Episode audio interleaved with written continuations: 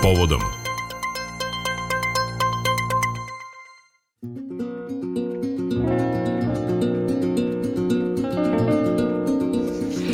Obeležavanje 81. godišnjice Novosadske racije održava se danas 23. januara na Keju žrtava racije kod spomenika porodica i kulturu sećanja negujemo u našem programu i podsjećamo se januara 1942. godine kada je u Južnoj Bačkoj ubijeno više od 4000 Srba, Jevreja, Roma. Vrhunac tog programa dogodio se 21. januara u Novom Sadu kada su mađarski fašisti ubili i pod led Dunava bacili najmanje 1300 stotine nedužnih civila. O istorijskim činjenicama za rubriku Povodom govori direktor Istorijskog arhiva Novog Sada Petar Đurđev, a sa njim je razgovarao kolega Slobodan Šorak. Gospodine Đurđev, mađarski okupatori su kao povod za raciju naveli akciju protiv šajkaškog partizanskog odreda. Kasnije su se istoričari mahom priklonili tezi da je ta nesumnjivo genocidna akcija bila ranije planirana, a da je otkrivanje tog partizanskog odreda ipak bio samo povod.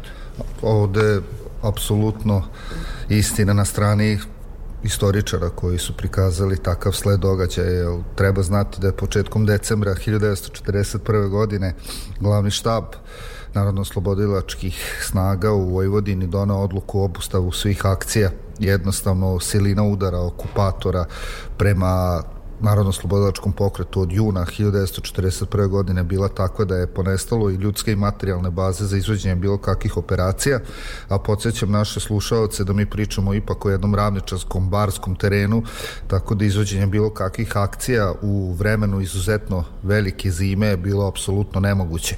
Tako da priča o nekom organizovanom ustanku svakako se nikako ne poklapa sa onim što možemo pronaći u dokumentima ili izvorima, a sa druge strane ta fabrikovana priča da su Srbi spremali neki ustanak za Božiće apsolutno opet e, nije u skladu sa istinom i onim realnim što se dešavalo, jer dakle mogla uopšte da dođe pomoć ustanicima u to vreme, opet to je vreme da još uvek Treći rajh dobro stoji na ratištima u, i u Severnoj Africi i u Istočnoj Evropi i to je naj, najbolje pokazuje da je u stvari bila jedna zakulisna igra samog vrha budimpeštanskih vlasti i ja verujem da ovakve distorzije istine na kakve možemo da nađemo jesu upravo proizvod onih umova koji pokušavaju da e, oslobode od odgovornosti one najodgovornije za izvođenje ove racije, a to je svakako Mikloš Hort i tadašnja mađarska vlada. E, često mi možemo čuti da je to bio e, problem lokalnih Mađara sa Srbima, pa da onda na kraju Budimpeštanska vlast čak i intervenisala pa zaustavila tu raciju. To apsolutno nije istina. To sve ide u službu upravo onih ljudi koji su izvršili same te zločine i moramo reći da je prevashodno nekoliko faktora nagnalo e, tadašnje mađarske vlasti da izvrše ovaj nesumnjivo strašan zločin prema pravoslavnim Srbima i prema jevrejima.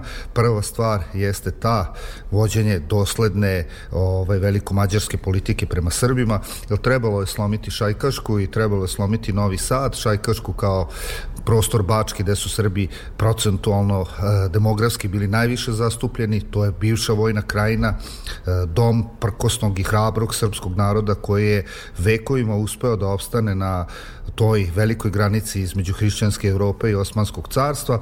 Novi Sad kao srpska Atina, kao ključni grad u procesu oslobođenja i ujedinjenja ovih prostora 1918. godine se svakako upravo zbog toga morao naći na toj listi za kaznu, ali sa druge strane Pored te veliko-mađarske politike imamo i jednu doslednu antisemitsku politiku. Podsjetit ću vas da je Hortijev režim prve zakone protiv jevreja dove već 1920. godine u e, direktno uništenjem e, jevreja u Mađarskoj kreće se te 1944. godine, ali da bi se donekle umirio e, glavni spoljno-politički saradnik Mađarske, a to jeste bila nacistička Nemačka, ovde jeste dozvoljen slobodan lov, da tako da se izrazim na jevreje, kako bi se pokazalo da i Mađarska prati antisemitsku politiku. To su dva faktora unutrašnje politike, imamo spoljnu politiku, pričamo o decembru 1941. godine, operacija Barbarossa je zaustavljena na predgrađima Moskve. Nemci su odbijeni 200-300 km unazad, što je značilo da će Nemačka tražiti od svojih saveznika nova ljudska pojačanja kako bi se borili na istočnom frontu. Kako su se borili Mađari na istočnom frontu najbolje svedoči jedna od komandi e, Sovjetske crvene armije koja je glasila da se mađarski vojnici ne mogu uzimati u zarobljeništvo. To, to mora biti jasno koje su zločine vršili. Jedan deo tih ljudi će se upravo naći i u Čurugu i u Južnoj Bačkoj 1942. godine. To je vrlo važno da bismo razumeli tu genezu i Mađarska želi da napravi taj manevar, da ne šalje svoju decu u sigurnu propast u stepe Ukrajine i Rusije i onda fabrikuje priču o nekom srpskom ustanku kako bi tako objasnili pred Berlinom zašto ne mogu da ispune njihove zahteve.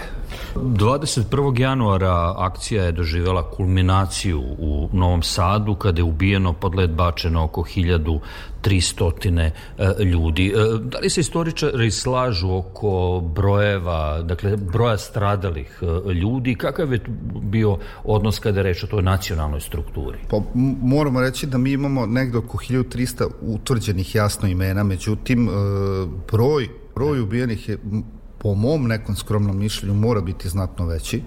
Ovaj ima tu elemenata zašto to nikada nije urađeno jedan delom jeste sa, sama odluka komunističke partije da ne otvara tu bolnu ranu iz ne tako davne istorije kako bi se gradila politika bratstva i jedinstva a sa druge strane mi znamo da je pred Levente odnosno današnji Sokolski dom izvedeno preko 20.000 građana Novog Sada, gde je jedan preki sud sastavljen od desetorice ljudi, najbogatijih industrijalaca, rimokatoličkih sveštenika e, i ostalih značajnih ljudi iz Nemačke mađarske zajednice su rešavali na tom preku sudu ko je za ubistvo, ko je za život. I jasno da se tu mnogo šta ne slaže u našoj čitovoj priči i ja verujem da je broj znatno veći, ali prema ovim podacima koje trenutno imamo, mi govorimo negde oko 800 ubijenih novosađana jevrejske e, nacionalnosti, negde oko 400 Srba, Naravno, bilo tu i stradalih i Rusa, i Slovaka, i Mađara, i Roma, ali opet treba napomenuti e, u ovoj akciji e, jasne žrtve i cilj izvođenja tog zločina jesu bili pravoslavni Srbi i Jevreji.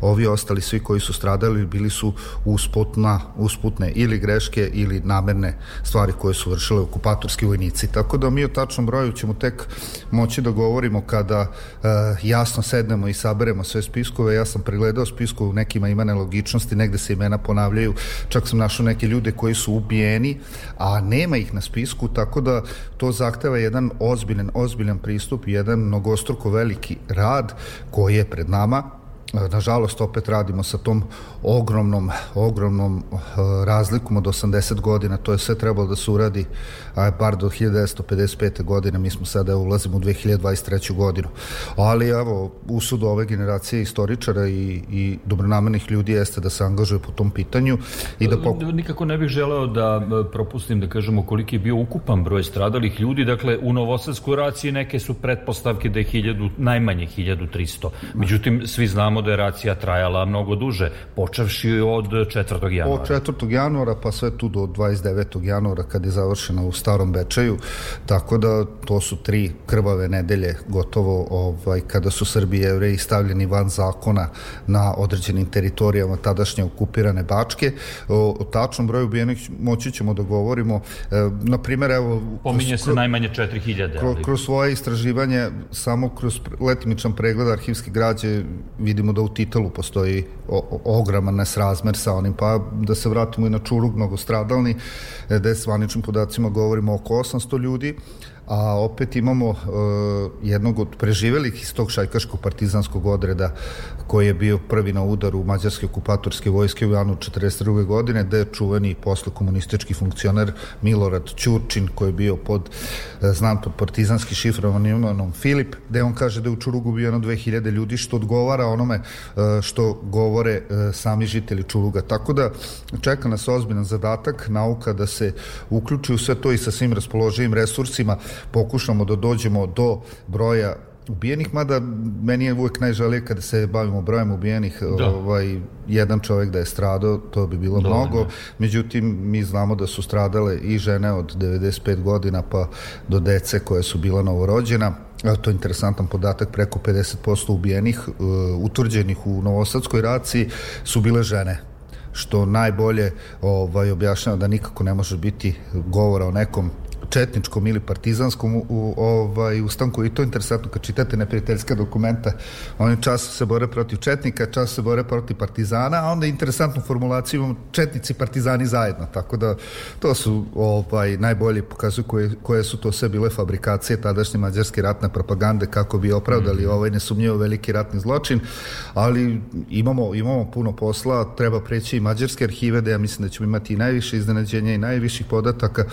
I naravno ovaj, pokušati da saberemo sećanja još ljudi koji su živi i da to se sve to snimi i sistematizuje. U tome će važnu ulogu igrati taj budući memorialni centar o kome ćemo svakako reći na kraju našeg razgovora par reči. E, u ovom istorijskom osvrtu na ono što se dogodilo, e, dakle, molio bih vas da nam pojasnite e, kako je došlo do obustavljanja akcije, koliko su na to uticali pojedini glasovi protivljenja u samoj Mađarskoj, odnosno kakav je zapravo bio taj Hortijev odnos prema čitavom zločinu? E, od prvog momenta izvođenja operacije u Čurugu i Žablju 4. januara uvedena je združena vojna komanda, što znači da svi lokalni organi vlasti, žandarmerija, policija i vojska bili su pod komandom vojske, što znači da su izvođene operacije kao da su na istočnom frontu.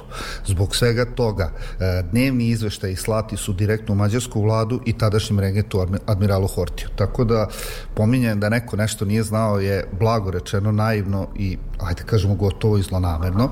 Tako da tu nema spora da su mađarske vlasti znale šta se tu dešava i šta tu može sve e, i, šta, i kakve su bile velika stradanja ono što ja mogu da zaključim e, na osnovu ovih izvora, da tu je jednostavan zaključak da su se očigledno neke kvote tražile da po zadovoljenju e, određenog broja ubijenih, jel treba napomenuti e, u svim mestima da je izvođena racija, nedeljama pre toga formirani su spiskovi u, u, ljudi koji su bili za odstrel. U formiranju tih spiskova učestvovali su lokalni ovaj mađarski političari, e, često sveštenici rimokatoličke crkve, sama vojska i po tomu napred spremljenom spisku su ubijani ljudi. To možemo potvrditi i na osnovu Mošorina, na osnovu Kovilja, da je racija nije izvedena, e, Čuruga, što znači da su postojali ti spiskovi da je to jednostavno postojala neka kvota koja je neko određivao koliko treba biti e, ubijenih da bi se zadovoljila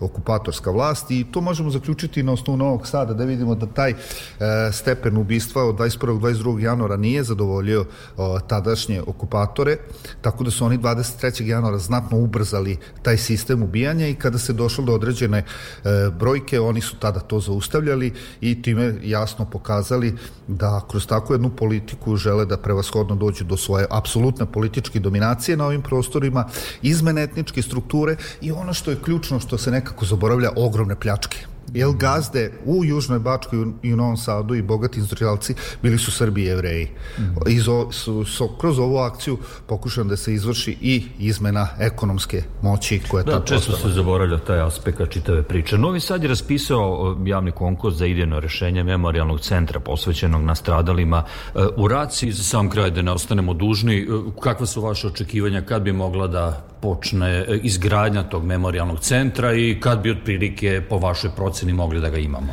Memorialni centar, evo sad e, dobili smo ideno rešenje, sad i ti brojni urbanistički poslovi, dobijanje potrebnih dozvola, projekata. Ja se nadam da u sledećoj godini ovaj, da sve bude kako treba, da ćemo moći da udarimo prvi ašovi, da će ovaj, biti postavljen temelj i onda gradnja će ići ovaj, za takav jedan objekat, ja mislim da treba dve do tri godine da bi se napravilo, opet ja govorim kao istoričar ovaj, vjerojatno tu ima mnogo stručnih lica koja će to ovaj, govoriti mnogo jasnije, ali ja se nadam da za u nekoliko sledećih godina ćemo dobiti taj memorialni centar i ono što je najvažnije, onda dobro pametno, moderno da osmislimo šta će biti u njemu na, na, na ponos grada Novog Sada i naravno na sećanje svih naših postradalih u toj zločinačnog genocidnoj akciji Hortijevog okupatorskog režima. E, direktor istorijskog arhiva grada Novog Sada, Petar Đurđev, govorio je za povodom Radio Novog Sada. Hvala vam najlepše. Hvala vam uvek e, na pozivu i uvek je čast e, i biti gost Radio Novi Sad.